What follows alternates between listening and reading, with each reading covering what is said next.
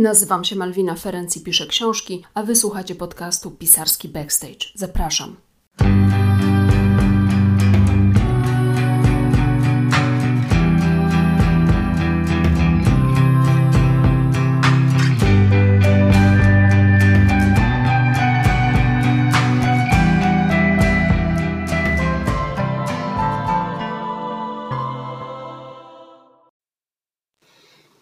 Dzień dobry, dzień dobry, dzień dobry. Witajcie w 30. odcinku podcastu Pisarski Backstage. Ja nazywam się Malwina Ferenc, lubię o sobie mówić, że jestem rzemieślnikiem słowa. Piszę książki, 10 mam na koncie, 11 powstaje i powstaje, i powstaje, i powstanie. W tym podcaście mówię o szeroko pojętym zapleczu pisania książek. Zerkam od strony zarówno pisarza, jak i czytelnika. Mówię Wam o tym, jak od kuchni wygląda bycie twórczynią oraz o tym, co w ogóle na rynku wydawniczym piszczy. I w ramach wisienki na torcie dzielę się odczuciami po ostatnio przeczytanych książkach, tymi odczuciami zarówno pozytywnymi, jak i negatywnymi, albowiem też uważam, że jako odbiorczyni treści popkulturowych, kulturowych mam prawo dzielić się swoimi wrażeniami, pomimo tego, że sama te treści tworzę. To, co słyszycie być może w tle, to parskanie, stukanie pazurkami i tak dalej mojego psa. Pies ze mną nagrywa, Pyszu ze mną nagrywa. No nie da się inaczej, bylibyśmy skazani na drapanie drzwi. W poprzednim odcinku mówiłam o takim bardzo ciekawym zagadnieniu, Mówiłam o literaturze poświęconej wojnie, obozom koncentracyjnym. Odcinek miał tytuł Naziści, sadyści, ich narzeczone oraz kultura clickbaitu. To taki temat zaczepno-obronny, ale zachęcam gorąco wszystkich, żeby sobie go odsłuchać, jeżeli ktoś nie słuchał. Jest tam takie moje stanowisko, co wpływa na to, dlaczego tak jest, że książek o tematyce wojennej, okołowojennej, romansów wojennych, obyczajówek wojennych mm, jest tak dużo i czy jesteśmy tym zmęczeni. Zrobiłam nawet o tym sondę. Zapraszam Was do wysłuchania poprzedniego odcinka 29. Dzisiaj porozmawiam z absolutnie niesamowitą osobą. Będzie to pani Ewelina Szyszkowska. Czym zajmuje się pani Ewelina, to usłyszycie w odcinku, ale już teraz powiem, że no to jest petarda. To jest petarda. Zwłaszcza polecam, polecam wysłuchanie tego odcinka osobom, które dopiero zaczynają swoją przygodę z pisaniem Głównie po to, żeby nie popełniły błędów, które ja popełniłam i którymi się podzieliłam w pierwszych odcinkach tego podcastu. I te odcinki, wyobraźcie sobie, cieszą się naprawdę ogromnym y, powodzeniem, ogromną, ogromnym zainteresowaniem. No, pewnie dlatego właśnie, że tam jest o tych moich błędach. Natomiast pani Ewelina Szyszkowska przedstawia ją w tej rozmowie zachęcam Was do wysłuchania bardzo dużo treści merytorycznych, bardzo dużo wskazówek. Dowiecie się, co to jest mentoring, co to jest book doctoring, y, kto to jest redaktor towarzyszący, czym to się różni na przykład od beta czytelnika i w ogóle co mają do tego wydawnictwa. Myślę, że bardzo, bardzo Wam się te treści przydadzą. Zapraszam serdecznie. Miałam z Wami się dzisiaj podzielić wrażeniami z ostatnio przeczytanej y, książki. Właściwie ja ją przesłuchuję, bo poznaję ją w formie audiobooka i y, słucham Złego, Zły Leopolda Tyrmanda, czyta Adam Ferency. Y, miałam się z Wami podzielić opinią, ale przyznaję bez bicia, że nie zdążyłam. Nie zdążyłam odsłuchać tej książki do końca. Jestem cały czas w trakcie. Nie, nie chcę się wypowiadać e, zanim, tak no całkowicie, prawda, zanim e, ją skończę, ale również dlatego, że warto jej poświęcić więcej czasu niż e, po prostu podzielić się krótką opinią. To jest taka książka, że cieszę się, że jeszcze jej słucham i że jeszcze trochę mi tego słuchania zostało, ale o szczegółach powiem Wam następnym razem, kiedy już ją skończę. Zapraszam więc na rozmowę z panią Eweliną Szyszkowską. Pani Ewelina również występuje pod nazwiskiem Matuszkiewicz. W jakich okolicznościach, to zaraz się dowiecie. Mam nadzieję, że ta rozmowa dostarczy Wam bardzo dużo treści, z których później będziecie mogli skorzystać. Ach, no i rzecz najważniejsza, bo zapomniałam dodać, że namiary na panią Ewelinę Szyszkowską zostawiam w opisie tego odcinka. Jeżeli będziecie chcieli czegoś więcej się dowiedzieć, jeżeli czegoś było za mało, to można namierzyć panią Ewelinę i bezpośrednio do niej się zwrócić, albo zostawić komentarz do tego odcinka. Po jego przesłuchaniu Spotify umożliwia teraz takie bajery. Zapraszam na rozmowę. Drodzy słuchacze podcastu Pisarski Backstage, y, dzisiaj goszczę w swojej audycji panią Ewelinę Szyszkowską. Dzień dobry. Dzień dobry, dzień dobry, bardzo miło. Ja troszeczkę powiem Wam o Pani Ewelinie, bo poznajdowałam różne informacje, a Pani mi powie, czy się to wszystko zgadza, czy nie. Dobrze. E, otóż znalazłam, że jest Pani absolwentką Uniwersytetu Warszawskiego, ukończyła Pani filologię polską oraz stosowane nauki społeczne, a zawodowo związana jest Pani z akademickim rynkiem wydawniczym. Czy to się zgadza? Zgadza się. Przez wiele lat byłam związana z, e, rzeczywiście z tą, z tą częścią rynku. W tej chwili już mhm. działam bardziej na całym. To znaczy interesuje mnie również e, literatura piękna i non-fiction. Mhm. I znalazłam informację, że uczy Pani w Kolegium Civitas jest Pani felietonistką w biurze analiz, a musicie wiedzieć, drodzy słuchacze, że biuro, y, Biblioteka Analiz to jest taki profesjonalny, prestiżowy informator o rynku wydawniczo-księgarskim. Była Pani też szefową y, zespołu wydawniczego w wydawnictwie lekarskim PZWL oraz w wydawnictwie naukowym PUN oraz w ogóle pracowała Pani w wydawnictwie naukowym PUN. Czy to się zgadza? Zgadza się. Ponad wow. 15 lat. Mhm. No to, drodzy słuchacze, no to szychę tutaj gościmy naprawdę.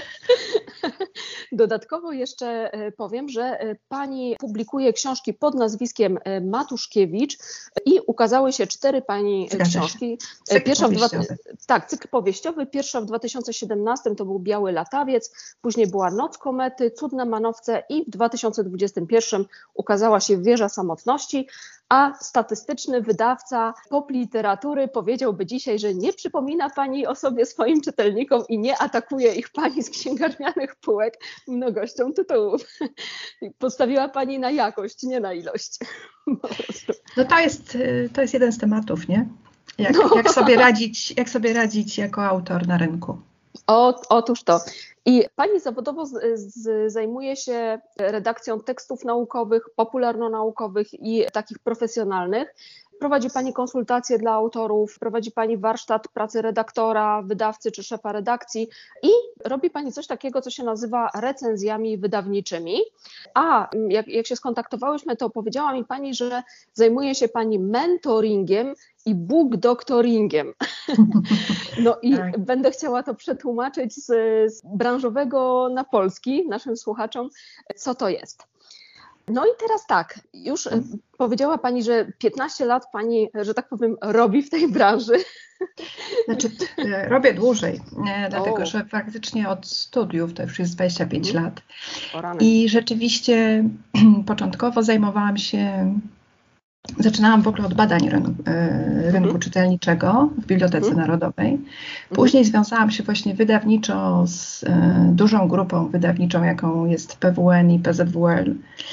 I tam działałam głównie z książkami akademickimi i profesjonalnymi. Natomiast od trzech lat działam już raczej jako taki, kto się ładnie mówi po polsku, freelancer. E, czyli właśnie przede wszystkim wspieram autorów, ale też wydawców oczywiście. Na każdym etapie, tam gdzie potrzebna jest właśnie, potrzebne jest wsparcie i tego właśnie zazwyczaj potrzebują niezależni autorzy, to znaczy tacy, którzy jeszcze nie, nie związali się z wydawnictwem. Mhm. Rzeczywiście wykładam na ten temat w Kolegium Civitas. Tam jest takie studium kreatywnego pisania, które, do którego bardzo zapraszamy. To są studia roczne. Czasem rzeczywiście publikuję artykuły na temat tematy związane z rynkiem wydawniczym, ale chyba najbliżej dzisiaj jest mi do takiej najwięcej czasu zawodowo poświęcam właśnie autorom. Mhm. E, ja uczepię się tego e, wyrazu mentoring, bo mhm. zapytałam sztuczną inteligencję, ostatnio korzystam z tego narzędzia, zapytałam sztuczną inteligencję, co to jest mentoring i otrzymałam taką definicję, że jest to proces, w którym bardziej doświadczona osoba, czyli mentor, mentorka dzieli się swoimi doświadczeniami, wiedzą i umiejętnościami z mniej doświadczoną osobą, czyli menti, która jest zainteresowana rozwijaniem się w określonej dziedzinie. Mentor pomaga menti w rozwoju kariery, dzieli się wskazówkami i radami, pomaga w rozwiązywaniu problemów, a także motywuje i wspiera menti w osiągnięciu swoich celów.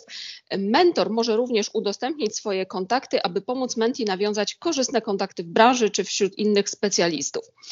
I jest też y, powiedziano mi, że w mentoringu ważna jest relacja zaufania i szacunku między mentorem a menti oraz regularne spotkania i komunikacja między nimi. I ja chciałam Panią zapytać, czy mentoring to jest to samo, co taka, jak to było dawniej w wydawnictwach, opieka redakcyjna nad autorem.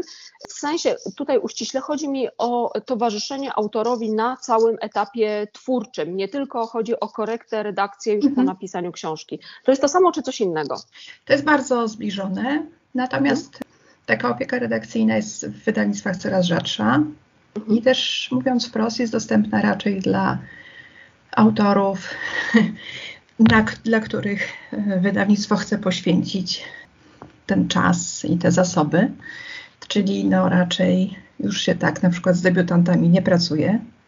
No mhm. chyba, że to jest bardzo, bardzo z jakichś powodów, jak to powiedzieć, no dobrze rokujący debiutant, z, być może ze względu na swoją popularność na przykład. Mhm. Poza tym to jest tak, że myślę, że opieka redakcyjna też jednak jest bardzo nastawiona na jeden konkretny projekt, no bo to mhm. wieziemy, wieziemy ten konkretny tytuł do, do celu, do wydania i później dalej. A w mentoringu jakby można porozmawiać o całym swoim portfolio pomysłów, planów, strategii, jak się rozwijać jako autor, co robić, czego nie robić, w co wkładać czas i mhm. ręce. Czyli można powiedzieć, że na przykład nakierowałaby Pani takiego autora i powiedziałaby mu Pani, no słuchaj tutaj Mieciu, w kryminały to Ty nie idź, bo to słabo, ale na przykład jakbyś y, zrobił to i to, to to Ci znacznie lepiej wychodzi. To jest coś w tym stylu też? To jest na pewno y, wskazywanie mocnych stron y, mhm. i szukanie i wspieranie, rozwijanie tych mocnych stron autora, ale również wspieranie go w takich decyzjach no, biznesowych, mówiąc mhm. wprost czyli czy decydować się na przykład na self-publishing.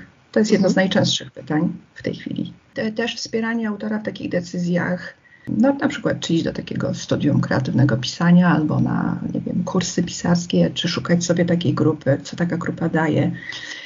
Powiem szczerze, że autorzy, którzy do mnie trafiają, autorki, na początek mają bardzo dużo pytań. Mhm. I w ogóle jak się w tym wszystkim rozeznać. Mówię o osobach, które zaczynają przygodę z pisaniem, no bo powiedzmy wyjadacze, czyli takie powiedzmy osoby jak my, które już i opublikowały, i napisały, i swoje przeszły, i przeżyły odrzucenie, i przeżyły, nie wiem, słabą recenzję i tak dalej, i tak dalej, mhm. no to już jakby wiedzą, z czym to się je. Natomiast osoby, które zaczynają pracę nad swoim tekstem, czy literackim, czy związanym ze swoją ścieżką zawodową, bo w którymś momencie dochodzą do wniosku, że ich doświadczenie jest na tyle ciekawe, że warto by było o tym napisać, no to jak, jak to ugryźć, jak to zacząć, z której mhm. strony, jak sobie to zorganizować, czy to w ogóle ma sens? To jest kolejne pytanie, które ja często dostaję. Proszę, proszę ocenić, czy, e, czy ten pomysł ma sens, albo czy ten tekst odniesie sukces. To jest takie też bardzo typowe pytanie. Mhm. No to ciężko, wtedy... ciężko ocenić, czy odniesie sukces. No to tak różne jest. czynniki na to wpływają. To raz, a dwa, co to znaczy ten sukces? No, no bo dla jednej osoby to musi być na przykład nagroda literacka, a ja się mhm. wtedy pytam, no, a nominacja, to już będzie sukces, czy nie? Czy to będzie dobre recenzje, no a lubimy czytać, jak ktoś tam napisze, że czeka na tą książkę całe życie. To, to już jest sukces, czy jeszcze tego sukcesu jest za mało? No, oczywiście rozmawiamy też w ramach takich konsultacji o pieniądzach. No i to znowu ktoś mówi, że chce tego sukcesu, to ja się pytam, to ile to jest egzemplarzy? No i tam pada jakaś liczba. Ja mówię, jak będzie 50 mniej, to już jest ten sukces, czy nie? Czyli tak trochę ten mentor, ja jako mentorka mhm. staram się urealnić i przełożyć te oczekiwania, te założenia, z którym przychodzi ktoś na rynek wydawniczy, no, no na takie konkretne rzeczy. Znaczy, ja nie ukrywam, że strasznie żałuję, że nie zetknęłam się w ogóle z mm, e, taką działalnością, bo ja nie miałam pojęcia, że coś takiego istnieje. Znaczy inaczej, ja, ja byłam przeświadczona, że taka właśnie opieka redakcyjna jest normalnie przy wydawnictwach, ale rzeczywiście jest tak, jak pani mówi, że tego praktycznie nie ma w wydawnictwach, a redakcja i korekta sprowadza się do jakiejś takiej powiedzmy pracy już nad tekstem e, gotowym. Obrotem. Je, tak, Obrotu tak, tekstami. Dokładnie, przy, przy czym bardziej jest to taka korekta tego tekstu na zasadzie błędy składniowe, błędy mhm. jakieś tam ortograficzne, a nie na przykład, czy ten pomysł w ogóle ma sens, czy ta książka ma sens, czy są dobrze y, y, wykreowane, nie wiem, postaci bohaterów i tak dalej. I ja nie ukrywam, że y, bardzo żałuję, że się z tym nie zetknęłam, dlatego że wchodziłam na rynek wydawniczy nie wiedząc kompletnie nic. Kompletnie. Po prostu to było, teraz jak sobie na to patrzę, to to było czyste szaleństwo coś tam sobie napisałam, coś tam sobie wysłałam. I tak jakoś poleciało, ale to sprawiło, że też przypięto mi pewną łatkę, której ja y, może tak trochę nawet rozpaczliwie próbuję się pozbyć. I to jest jeden, z, jeden, ze skutków tego, że ja nie miałam pojęcia, jak się na tym rynku obracać. I właściwie no nic kompletnie nie wiedziałam, więc y, wydaje mi się, że taka działalność, jaką pani się zajmuje, no to wypełnia pewną taką niszę, Y, na rynku, która jest bardzo potrzebna, zwłaszcza, że te pytania, które Pani dostaje, o których Pani teraz powiedziała, no to jest fundament absolutny, prawda, żeby, żeby w ogóle coś ze sobą robić. Więc no, te pytania, o, te pytania, dziękuję.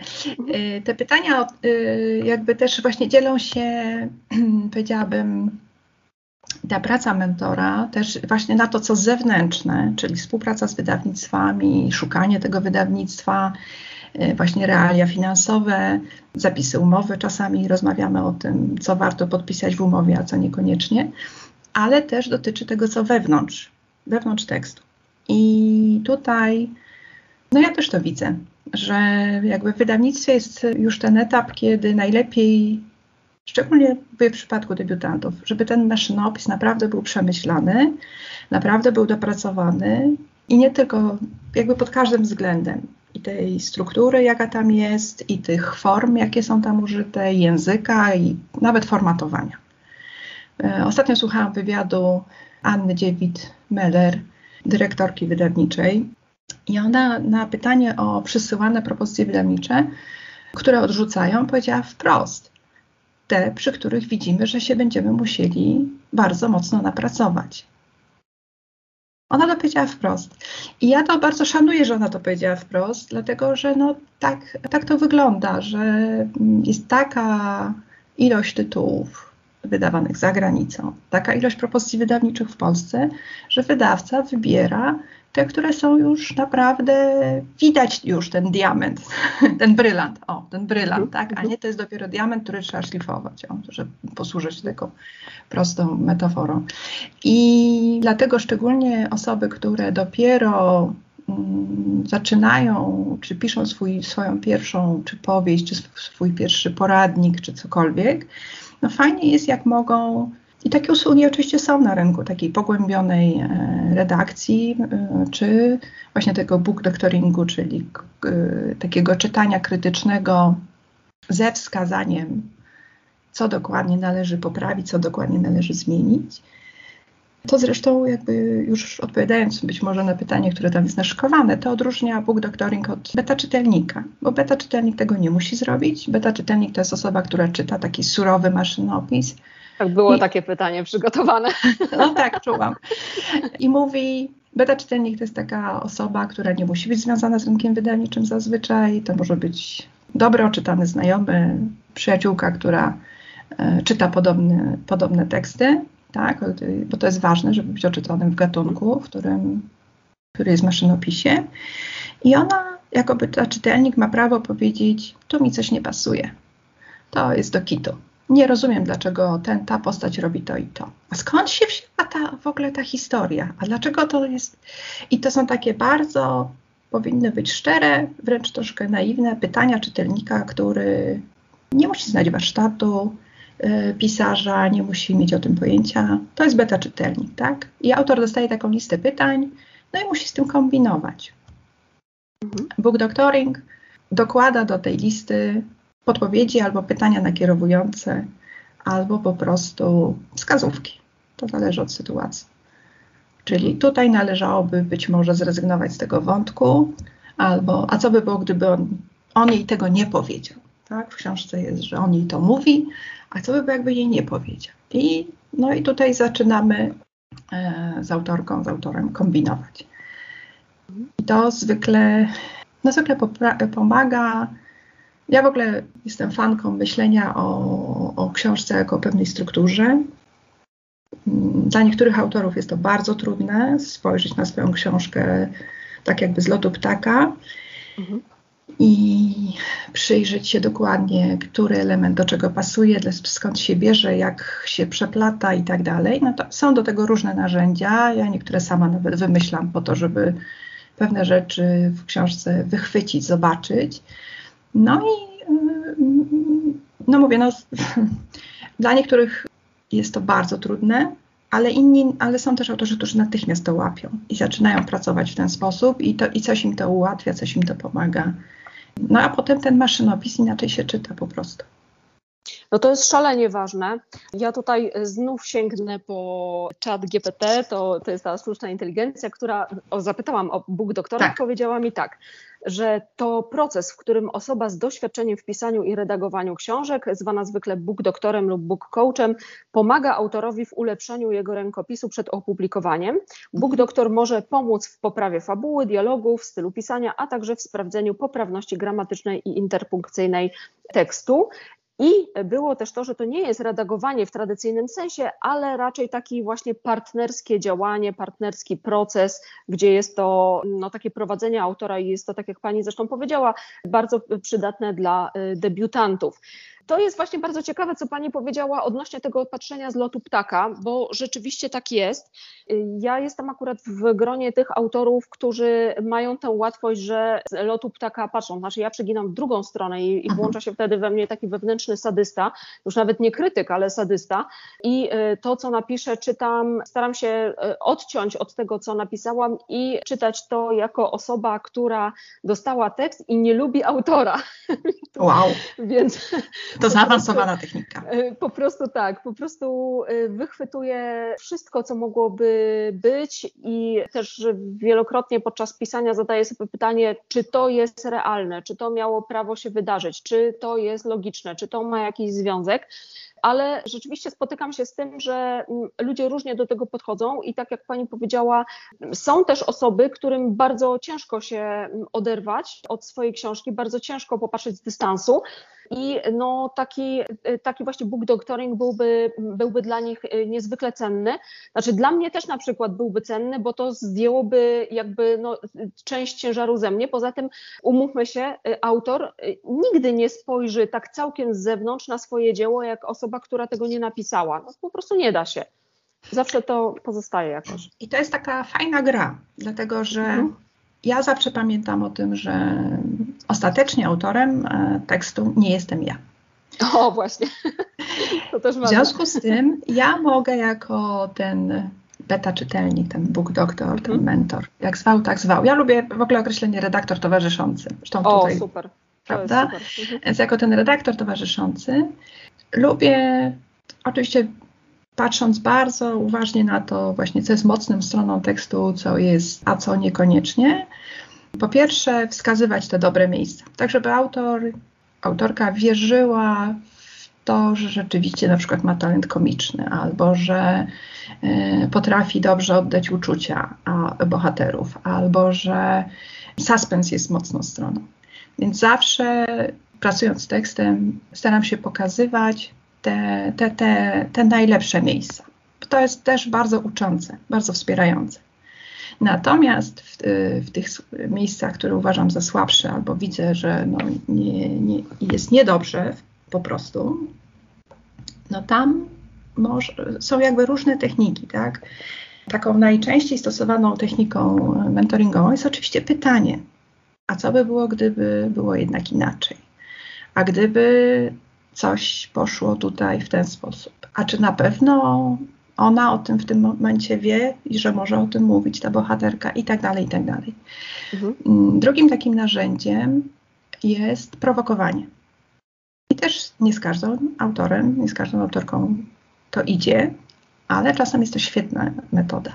Ktoś musiałby mieć chyba dystans do siebie, nie? żeby z takim prowokowaniem. chociaż troszeczkę, a, i troszkę pewności siebie, no bo mhm.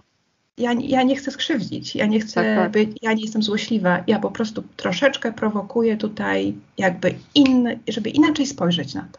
Mhm. Czasem, czasem to jest wprost. Kiedy ja to robię wprost? Na przykład, kiedy jest problem z dialogami. Mhm. Więc biorę taki dialog, który jest płaski, nudny, przegadany. No, te wszystkie błędy dialogu znamy mhm. i e, redaguję go albo w ogóle piszę go na nowo. Dosłownie jeden dialog. I proszę autora, autorkę, żeby, żeby zobaczyła, jak to, jak to mogłoby wyglądać. No i rozmawiamy o tym. I czasem, i, i miałam kilka razy taką sytuację, że no, że dostałam taki bardzo, bardzo entuzjastyczny feedback. Ach, wreszcie rozumiem, tak? Ach, wreszcie to widzę. Także najlepiej jest to zrobić właśnie na materiale autora. Tu ci wytnę, to ci przestawię, to ci wyrzucę, tu, za, tu dołożę jedno, jedno tam jakieś coś i zobacz, jaką inną energię ma ten dialog, jak inaczej on brzmi. Czasem po prostu trzeba pokazać, tak? A czasami jeszcze mm, korzystam z takiej metody, że jeżeli widzę, że na przykład jest bardzo określoną rzeczą trudność i autor, autorka sobie nie radzi, no to szukam po prostu na swoich półkach um, dobrego przykładu. I kseruję, skanuję jedną stronę, dwie strony, zakreślam fragment i mówię: Zobacz, tutaj ktoś zrobił to w ten sposób. I to też jest taka metoda no, nie, nie od rzeczy się mówi, że żeby pisać trzeba czytać. Oczywiście. Y, tak. Ktoś to chyba Kapuściński powiedział, że y, żeby napisać jedną stronę, to musi ileś tam książek przeczytać, żeby, no żeby napisać jedną stronę. Więc, tak. Y, ja tutaj służę taką jakby takim jestem, taką, no nie wiem jak to powiedzieć, taką wyszukiwarką, o, wyszukiwarką pod ten konkretny, jakby, pod tą konkretną trudność, tak. A ile czasu trwa taka praca nad książką? Ile y, czasu trwa ten y, book doctoring? Bo mentoring to rozumiem to jest szersze, tak? To jest w ogóle opieka nad autorem, a book doctoring to jest skupienie się na konkretnym dziele, tak? Dobrze to tak, myślę? Tak, tak, tak. Mhm. Znaczy to zależy oczywiście od wielu czynników i przede wszystkim od tego, czy y, trafia do mnie autor z doświadczeniem wydawniczym, czy bez. To jest jedna rzecz. Druga rzecz, czy zaczynamy pracować, mówię o mentoringu, w momencie, kiedy jest pomysł, czy zaczynamy pracować w połowie tekstu, czy pod koniec, czy potrzebna jest taka, no nazwijmy to, chirurgiczna interwencja, mhm. E, dwie, trzy konsultacje, czy no ostatnio pracowałam nad książką z autorką przez prawie rok, ponad rok. Ojej, to bardzo długo. Tak, ale spotykałyśmy się raz na miesiąc. Ja w międzyczasie czytałam to, co powstawało i to właśnie to, to był taki przykład, kiedy autorka powiedziała do mnie wprost, ja nie chcę być w tym sama. Ja nie chcę przez to iść sama. I no, obie wiemy, że proces pisania książki jest bardzo intrawertyczny i, tak. i, i, i to jest coś, co się robi samemu. No ale ona powiedziała, ja potrzebuję raz na miesiąc z kimś to przegadać. I rozmawiałyśmy o bardzo, o no, to, co było akurat w tym momencie potrzebne, żeby ten e, tekst rozwijał się dalej, z czym pojawiły się trudności, jakieś rozstrzygnięcia. Powstała bardzo fajna książka, e, będzie miała premierę teraz e, w kwietniu albo w maju. Natomiast book doctoring, czyli to się pojawia, ta możliwość dopiero jak powstał tekst. Już na gotowym. Na, na, na tej tak? pierwszej wersji chociażby, mhm, prawda? Mhm, mhm. I, no i to zależy od objętości tego tekstu. Czy to jest e, opowiadanie, czy to jest powieść, czy to jest saga rodzinna pięciotomowa. No tutaj jakby może być bardzo, to, to bardzo rzutuje, prawda? A druga rzecz, e, też jak chce pracować autor, bo Są osoby, które chcą dostać od razu wszystkie uwagi mhm. i coś w rodzaju recenzji takiej literackiej. No okej, okay, tak też może być. E, a są osoby, które mówią, to proszę czytać ten tekst i na bieżąco, powiedzmy po rozdziale, po każdym rozdziale przysyłać mi listę uwag, pytań, bo ja też chcę pracować w tym czasie. Nie chcę mhm. czekać, nie wiem, miesiąc na taką rozbudowaną recenzję, tylko chcę, chcę iść z panią razem przez ten tekst. No i czytamy, można powiedzieć, symultanicznie. Wtedy umawiamy się na takie bieżące wymienianie uwag. Ale rozumiem, że to autor wcześniej jakieś założenia pani przedstawia odnośnie Oczywiście, tej... no ja dostaję całość, ale jakby czytamy po kolei, tak jak szedł czytelnik. No to, to, to, to jest taki, taki pomysł.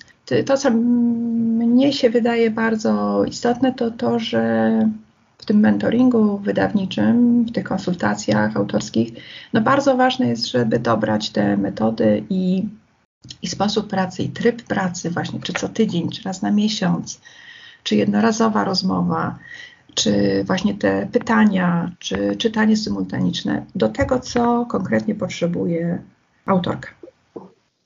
To Rozumiem. jest w ogóle clue zabawy, dlatego że no, no, no, to, to, to musi być uszyte.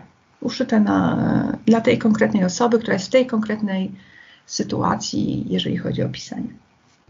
No to jest bardzo trudne, bym powiedziała, bo tak jak ja patrzę z zewnątrz, bo tutaj rzeczywiście trzeba tak jakby się no, wyczuć tą drugą osobę, wczuć się w nią, jakim ona jest typem, żeby to, tak jak pani powiedziała, tą metodę y, dobrać y, do siebie. E, pani na LinkedInie ma napisane też swoich pięć talentów Galupa. Ja pracuję w tym, w korporacji, korporacje po prostu ach, ach, to tam Galup jest bardzo modny, więc ja też mam opracowane pięć talentów Galupa, ale pani ma właśnie między innymi e, bliskość i tak. Odkrywczość. I to jest, myślę, bardzo mocno, bardzo mocno tutaj pomaga. Wspólnego mamy stratega. Ja też mam tak? stratega. Tak, tak. Ale e, chciałam też zapytać, e, co, znaczy inaczej, jakich, jak, jakich autorów zgłasza się do Pani więcej? Czy są to debiutanci, czy raczej autorzy z doświadczeniem? Jeszcze się odniosę do tych talentów. Aha, dobrze. To jest tak, że ten redaktor towarzyszący to jest przede wszystkim ten e, talent bliskości. I tam jest też u mnie indywidualizacja, czyli takie tak, patrzenie jest. na talenty konkretnej osoby i widzenie jej mocnych stron. Mhm. Natomiast strateg i organizator u mnie bardzo się przydaje w sytuacji, kiedy autor przychodzi i mówi, no nie wiem, no, no co z tym zrobić, to wszystko się rozłazi. I, wtedy ja po prostu czuję, jak mi się pyk, pyk przestawia z tego mhm.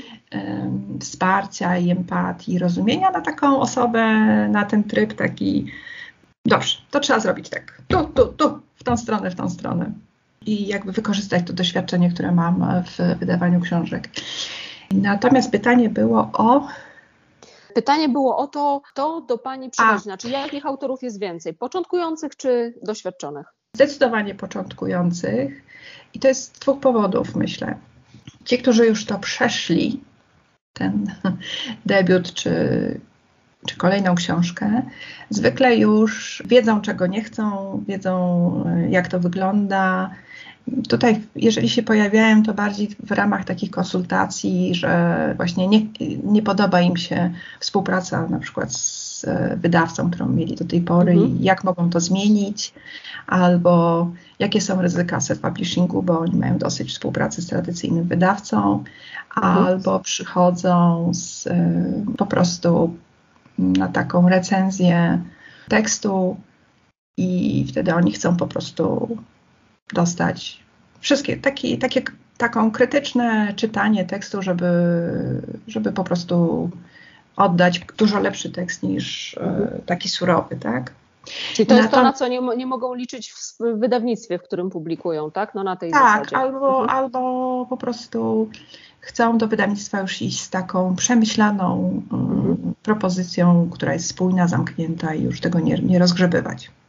Rozumiem. Natomiast najczęściej rzeczywiście trafiają osoby, które albo piszą swój debiut, albo zaczęły go pisać, albo mm, też trafiają do mnie osoby, które są na przykład specjalistami w swojej dziedzinie, e, no ale nie, jest to dziedzina niezwiązana z pisaniem. I, mhm. i one, one przychodzą z takim doświadczeniem, wie pani, jak ze szkoły. Czyli trzeba pisać po kolei. Trzeba, mhm. albo z, ze studiów. Trzeba napisać wstęp, trzeba tą bibliografię, trzeba oddawać rozdział po rozdziale. No i to jest dla nich trochę nudne, a trochę takie szkolne, a trochę im się nie chce, a trochę by chcieli. No i wtedy pierwsza rzecz, którą ja mówię, proszę przestać pisać to po kolei.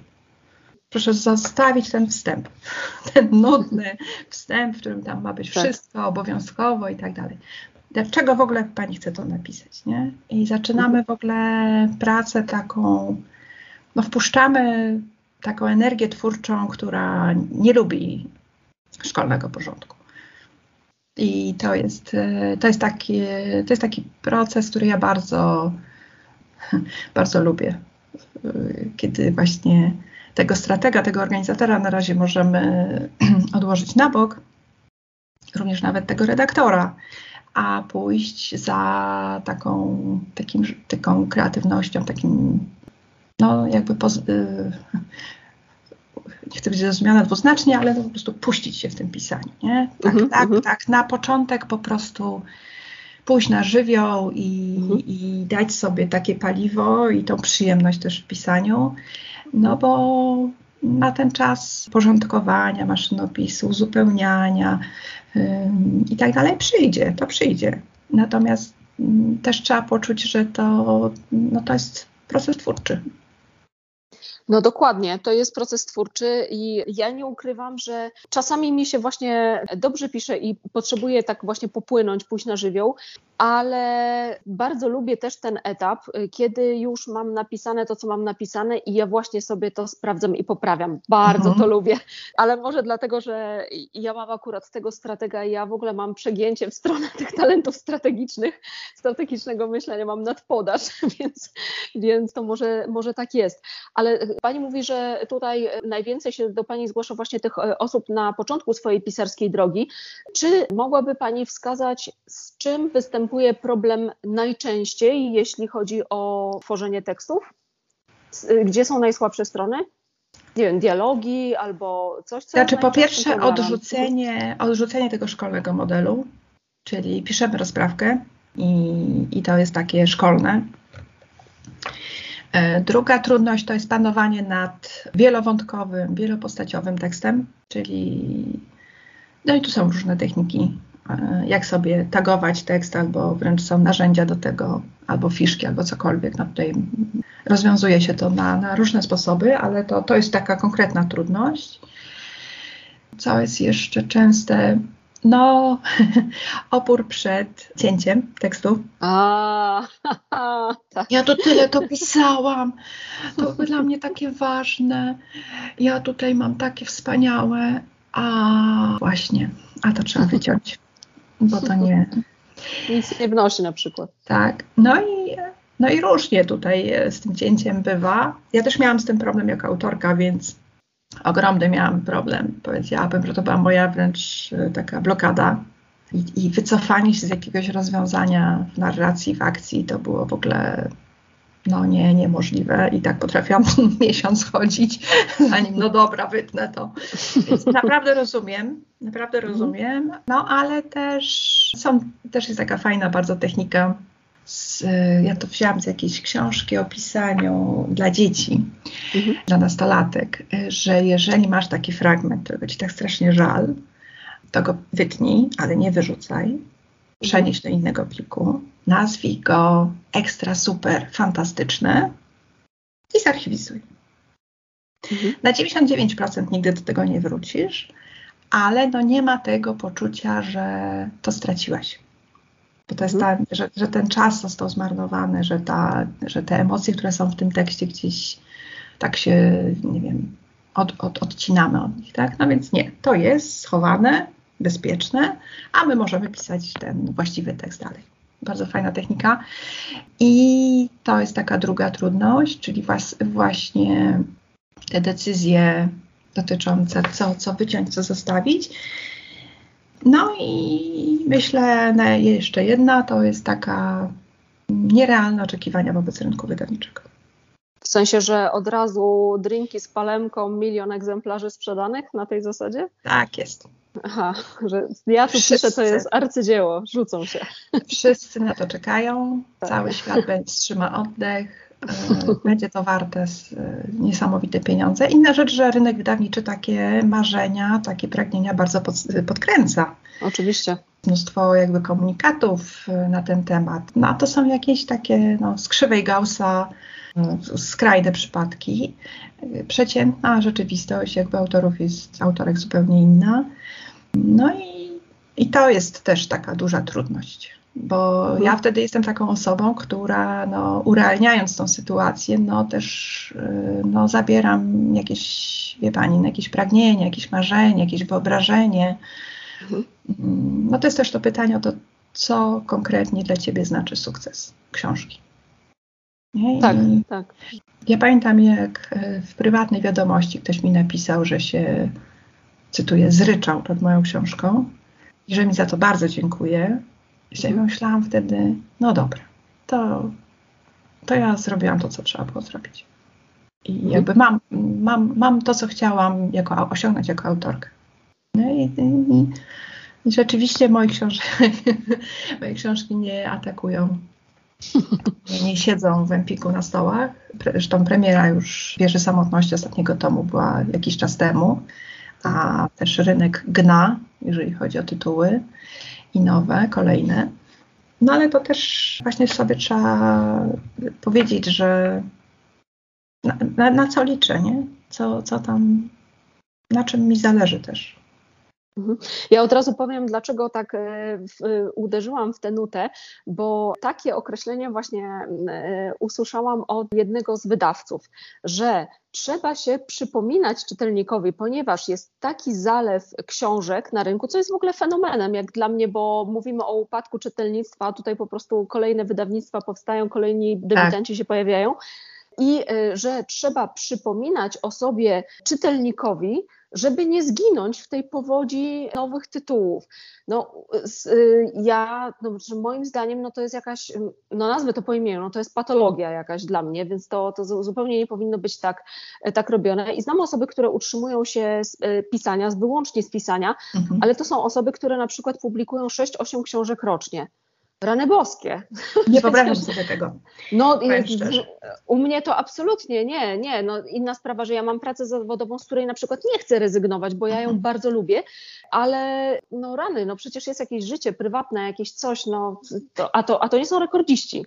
Był kiedyś taki piękny tekst, bardzo żałuję w tej chwili, nie pamiętam czyj, w którym autor zwraca się do swojego kolegi Remigiusza e, mhm. Mroza z takim apelem, że może gdyby trochę wolniej pisał swoje książki, to może one byłyby lepsze, byłyby ciekawsze, byłyby, pamiętam to zdanie, przepuszczone przez jego wrażliwość, e, przez jego, nabrałyby indywidualnego charakteru, stylu. No przy tak szybkim pisaniu, no to jest niemożliwe. To jest Oczywiście. możliwe. Natomiast mhm. jakby jeszcze do tego, wracając do tego, mhm. do tego promowania swoich tytułów, no to jest też jakaś składowa mm, mentoringu mm, mhm. wydawniczego. Mm, ja rozmawiam o tym ze swoimi autorami, autorkami, na, na, na co jesteś gotowy w promocji. Czy masz przygotowaną odpowiedź na pięć najbardziej trywialnych pytań, jakie dostaje każdy piszący? Mhm. Skąd czerpie Pan inspirację? Jakie są plany tak. na następne tytuły? Jak to się stało, że zaczął Pan pisać i tak dalej? Jest takich kilka pytań, no, które każdy, każdy, każdy usłyszy wcześniej czy później na spotkaniu autorskim, czy w wywiadzie radiowym, czy gdziekolwiek. Mm, trzeba się na to przygotować. To jest nasza rola autorów, żeby w ciekawy, rzeczywiście taki intrygujący sposób opowiadać, jednocześnie nie, nie mówiąc za wiele, czyli zostawić przyjemność y, czytania i odkrywania tekstu czytelnikowi, ale jednocześnie go zachęcić do, do sięgnięcia po tą książkę. No, często się spotykam z tym, że na przykład ktoś ma w ogóle problem, żeby założyć konto na Instagramie. Już nie mówię mhm o codziennym przypominaniu się, tak. żeby w ogóle być w tych social mediach. No to, mhm. są, to są takie, powiedziałabym, już taka część nawet e, negocjacji. I wiem, że e, wiem, że wydawcy w tej chwili właściwie autorów, którzy nie, nie założą sobie, nie mają swoich kont w social mediach, nie chcą wydawać. Po mhm. prostu. No więc znów trzeba o tym pogadać, trzeba też mieć jakiś pomysł na ten profil, trzeba mieć pomysł na, na te wypowiedzi, no bo profil, na którym jest na zmianę e, piję kawkę miłego dnia. E, Smacznej kawusi. Tak. E, I drugi rodzaj wpisów, takie piękne, tam, nie wiem, tulipany sobie kupiłam, ahoj, miłego dnia. tak, to tak. jest Słabe. To, to się szybko kończy, to znaczy to nie buduje, to, to nie buduje relacji z czytelnikami. Mhm. No i, i też trzeba mieć, to jest też część tej roboty. Muszę zadać to pytanie, bo po prostu no, czasami człowiek musi, inaczej mhm. się udusi. Jak Pani ocenia dzisiejsze, dzisiaj kompetencje, umiejętności, wiedzę autorów tych, który, których książki są y, publikowane, czy tych, tych, którzy do Pani y, przychodzą? Czy obserwuje Pani, nie wiem, jakiś zjazd jakości, jeśli o to chodzi, czy raczej dobrze Pani y, patrzy na te osoby, które, no choćby te, którym Pani pomaga? Jak, jak to wygląda? Powiedziałabym, że są dwa takie zjawiska. Pierwsze, no tu się odniosę do tego rynku, z którego się wywodzę, czyli akademickiego i naukowego. Mhm. Nie ma już lub prawie nie ma autorów, którzy ogarniali swoją wiedzą, umysłem całą dziedzinę. Jest bardzo, natomiast jest bardzo wielu, którzy są wybitnymi specjalistami w bardzo wąskim zakresie. Czyli czasy, kiedy profesor psychologii, czy geografii, czy zoologii, czy czegokolwiek, jakby miał wiedzę z całej dziedziny, szer szeroką, może nie jakąś super, super specjalistyczną w każdym zakresie, ale jakby był w stanie mm, napisać, a na pewno recenzować właściwie z każdego zakresu tej dziedziny, to się, to się bardzo, nie chcę powiedzieć kończy, no ale chyba inaczej mhm. się nie da. Natomiast rzeczywiście nastąpiła taka bardzo mocna specjalizacja w wąskich i takich mocno eksplorowanych obszarach. A drugi, dru, drugi trend to, to jest to, że rynek w Polsce jest niezwykle zróżnicowany mhm. i bardzo wielowątkowy z wielu powodów. Dużych wydawców, małych, średnich, self-publishing, różne formy finansowania, różne kanały sprzedaży, różne do grup czytelników. I naprawdę trudno jest go objąć jakimś jednym zdaniem, w sensie, że jest tak, albo tak, albo tak. Jest bardzo, mhm. bardzo różnie. To chyba dobrze. jest nadzieja. Ostatecznie tak, ostatecznie tak. Uf, to, to dobrze, bo już myślałam, że pani powie, że rączym kłusem zmierzamy ku totalnej zagładzie. Nie, nie, nie, nie, nie. nie. nie. I powiem tak, że nawet w tym wyklętym self-publishingu, mówię wyklętym, bo mhm. Przez wielu oceniane jest to jako taką działalność sfrustrowanych e, grafomanów, którzy nie mają innej drogi. To jest bzdura. Owszem, tak jak i u dużych, renomowanych wydawców, tam też ukazują się gnioty, tak. czy niedopracowane książki, czy słabe, czy byle jakie. Natomiast też self-publishing potrafi naprawdę dać czadu i, i, i powstają tam bardzo fajne książki, są wydawane. I zadam jeszcze jedno pytanie. Jak pani nie będzie chciała, to proszę nie odpowiadać, to się wytnie. Ile to kosztuje? ile kosztuje taki book doctoring, men mentoring, czy też na przykład e, recenzja taka wydawnicza już, e, żeby pani zrecenzowała książkę? Czy e, przeciętnego zjadacza chleba na to stać, czy to raczej jest opcja na bogato? Ulubiona odpowiedź to zależy. I to jest to, co mówiłam wcześniej. Ja staram się uszyć zawsze tą, to wsparcie, to towarzyszenie zgodnie z potrzebami i możliwościami autora. I oczywiście czym innym jest jednorazowa konsultacja, czy właśnie jednorazowa recenzja, czym innym jest, są spotkania mentoringowe. A Pani to jakoś wycenia z oczywiście, po prostu? Tak, mhm. oczywiście. Po pierwsze, zwykle proszę o tekst, też po to, żeby się zorientować, czy mogę pomóc. No, no bo, bo, czasami nie można. No, myślę, że jak, jakbym dostała powieść taką alalem, no to pewnie nie mhm. pomogę, mm -hmm. bo to nie Rozumiem. mój obszar. Druga sprawa jest taka, że Oczywiście to nie jest, jeżeli mówimy o, o cenach za mentoring, no, to nie są ceny takie jak za mentoring biznesowy. Ja zdaję sobie mhm. sprawę, że e, rynek wydawniczy nie wytrzyma takich stawek, więc one są niższe. Mhm. No ale trzeba się liczyć z tym, że to jest, nie wiem, 300-400 zł za spotkanie. Mhm, mhm. Natomiast y, recenzja, czy to symultaniczne czytanie, czy taka redakcja literacka, to w sumie bardzo często się łączy. No to jest jak za, jak za dobrą redakcję po prostu. Czyli to, czyli to nie są jakieś e, gigantyczne pieniądze takie, że ktoś nie mógłby sobie na to pozwolić, a myślę, że tu warto, żeby no faktycznie ktoś, kto e, myśli nad e, debiutem, żeby nie popełniać błędów takich jak ja na przykład popełniłam. Wskoczyłam do basenu i dopiero później się zastanawiałam, czy tam na pewno jest woda.